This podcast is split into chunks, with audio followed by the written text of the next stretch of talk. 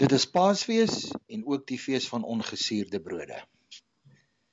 Van vandag af 7 dae is God se opdrag aan sy volk Levitikus 23 dat hulle net ongesuurde broodjie moet eet. Geen suurdeeg in nie. Hierdie ou plat matsa broodjies wat ons kry. Ek was uh, by 'n supermark eergister gister om uh, my pasga goedjies te gaan aankoop en nêrens kon ek matsas kry nie. Hulle is al 3 weke uit voorraad uit en dit sê nogal vir my iets dat baie mense hierdie waarheid begin raak sien van die matsas. Maar kom ek vertel vir u die gebruik wat die Joodse volk het wanneer hulle hulle pasga tafel hou. Vir eeue het hulle hierdie simbole op hulle tafel. Behalwe die paaseier het hulle die matsa broodjie Maar hulle het so 'n doekie, so 'n lappie wat in 3 afdelings ingedeel is. Daar word 3 matsas ingesit. Een aan beide kante en een in die middel. En dan wanneer hulle op 'n gegeewe oomblik deur die simbole van al die uh voorwerpies op die pasgatafel werk dan kom hulle by hierdie toekie uit die jakats jakkats en hy het drie sulke lae in en dan dui hulle op die buite buite se twee lae. Hulle sal sê dat dit die die Torah is, die ontvangs van die wet en die twee buitenstes, dis vir hulle historiese waarde verwys vir hulle na die ontvangs van die Torah, van die kliptafels, die wet van God is die buitenste twee. En dan sal hulle verwys na die middelste broodjie as die brood van smarte om hulle terug te voer en terug te vat na die jare toe hulle voorgeslagte uit Egipte land weens slawerny bevry was.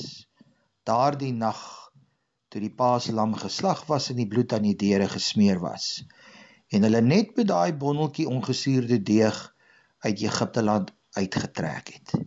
Dit herinner hulle aan daardie broodjie sonder suurdeeg, sonder suiker net water en meel. Dit word genoem die brood van smarte. En hulle sê ook onder mekaar is hierdie gesegde it's the bread of affliction. Some will love it, some will hate it, but you must eat it. En dan wanneer hulle op die punt kom om daardie broodjie onder mekaar te deel, dan vat hulle van die middelste, nie die buitenste twee nie. Hulle vat die middelste Hulle haal hom uit en dan breek hulle hom. Hulle vat die een helfte en dit word dan in 'n doekie toegedraai en weggesteek. vir later om deur die kinders gesoek te word. Die ander helfte vat hulle en dan breek hulle dit onder mekaar ter herdenking aan die tyd van smarte en slawerny wat hulle gehad het. Maar iemand onthou Jesus het ook 'n laaste Pasga maaltyd gehou. Want onthou, Jesus is in die Joodse tradisie grootgemaak. Hy het as seun die Torah geken. Hy het as seun hierdie gebruike geken. Hy het elke letter in die Jota en titel geken van die prosedure van die Pasga en van al die simbole en alles wat op die tafel moes kom. En hy het juis vir sy disippels gesê: "Gaan maak vir ons 'n plek gereed dat ons hierdie Pasga gaan gebruik." Maar op 'n gegeewe moment het hy opgestaan en toe hy by die jakats kom toe hy by daai doekie kom in drie lae wat hulle ook moes voorberei en moes gehad het het hy die middelste ene uitneem en dit breek. Toe sê hy hierdie is my liggaam wat vir julle gebreek sal word. Ek gaan nou vir julle die brood van smarte word sodat julle sondes in my vergewe kan word. Is dit nie fantasties nie En so het hy dan dit onder hulle verdeel en so het elkeen van dit gebruik. Dan die helfte wat weggesteek is wat dan in 'n doekie toegedraai is wat gewoonlik in 'n gewone huishouding deur die jongste gesoek moes word en as hy gevind word het hy dan die prys gekry as u kan onthou Sondag se pot gooi oor die paaseier en hoe die kind dan wat hom gekry het 'n paaseier kry. Is dit nie presies wat die met die brood van smarte gebeur het nie? Hy was toegedraai in doeke.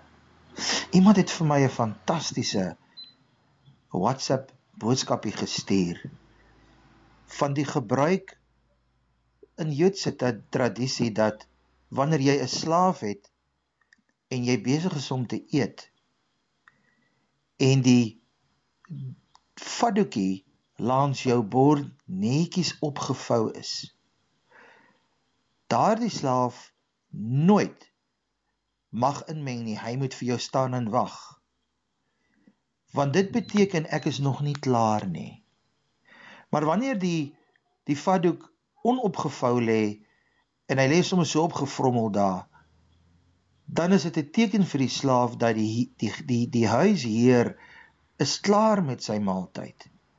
Hulle kan nou afdek en voortgaan.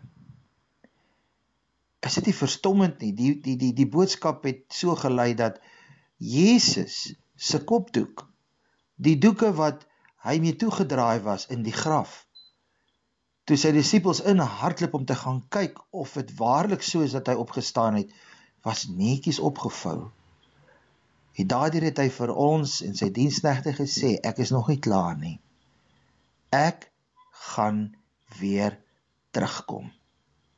Geseënde Pasga vir u.